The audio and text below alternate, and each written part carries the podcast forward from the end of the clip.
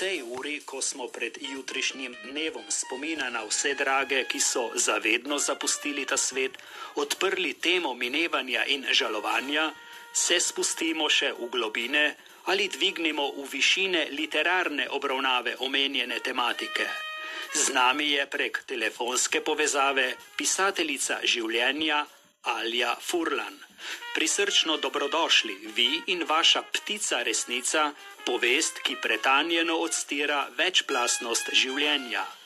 Kako pri tem sprejeti, razumeti in osmisliti minljivost, odhod in z njim povezano žalovanje? Lepo pozdravljeni tudi vi. Jaz bi rekla, da je uh, to o tem lažje govoriti, kakor to potem storiti. Spomnim se recimo, ko sem pred 24 leti doživljala izgubo očeta.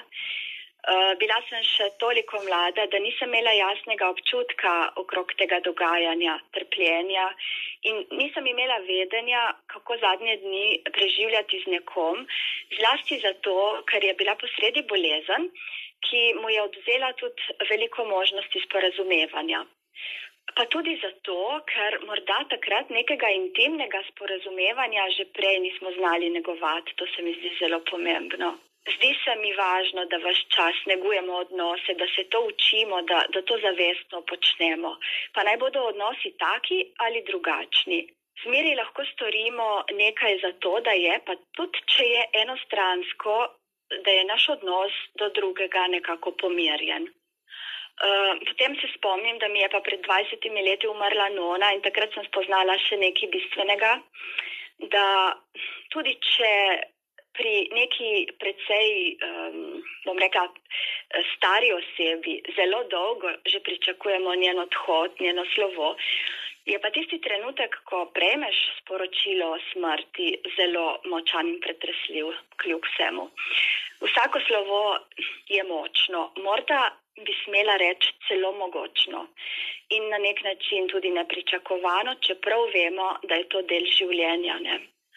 V zadnjih letih sem pa žal izgubila nekaj ljudi iz svoje bližnje okolice, tudi mlajših, in sem tudi tam imela v pogledu soočenje z izgubo.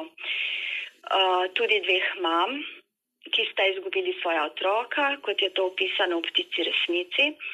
In ja, um, nobena beseda ni tukaj bolj na mestu kot ljubezen do življenja.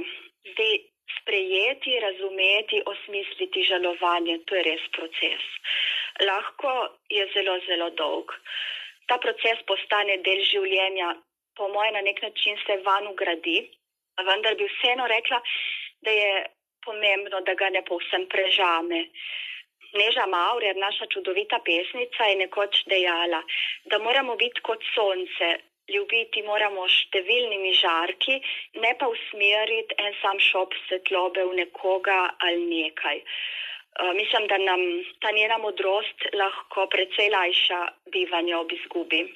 Poglejte, gospa Alja, smrt v tej knjigi ponazorite s kraji, ki so v skrivnostnih globinah naših src. Ja.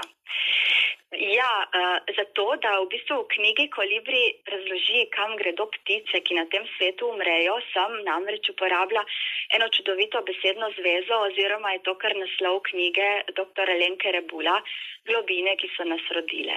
Kolibri uh, razloži, da odhajamo v globine, ki so nas rodile, te pa so res tako mistične, da obstajajo v globinah naših, src naših bližnjih teh, katerim smo pripadali ali so nas poznali.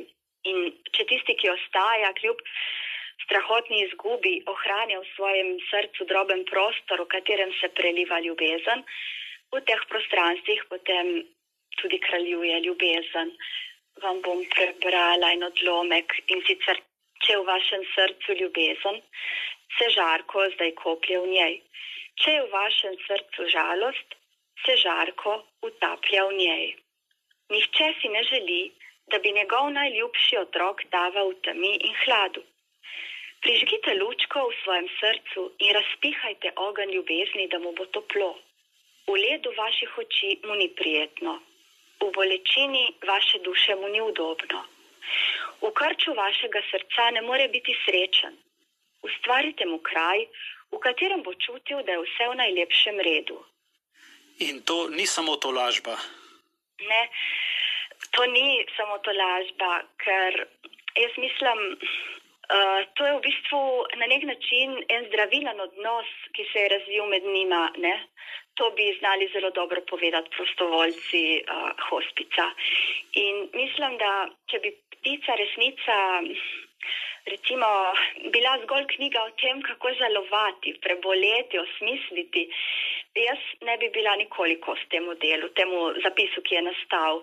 Uh, je pa nastajala kot knjiga, ki pripoveduje, kako v naše življenje včasih pride živa sprememba, ki obrne tok našega življenja, tudi zavedanja ki ponudi neke možnosti ali pa eno samo možnost, ki pa poleg vsega tega prinese vznemirjanje tudi na področjih, kjer ne bi nikoli pričakovali. In tega se moramo zavedati. Zato je ta knjiga polna nekih nepričakovanih obratov in je hvalnica življenju in odnosom. Prav zato tudi vidim, da je prepoznana pri ljudeh, ki se soočajo z izgubo in žalovanjem. No, in uh, ob teh vaših zelo pronicljivih uh, mislih, globokih mislih, z vašimi besedami tudi za konec prižgimo lučko v svojih srcih in razpihajmo ogen ljubezni, tako kot ste zapisali in prej tudi povedali. Gospa Alja Furlan, najlepša hvala za te vaše besede. Hvala tudi vam.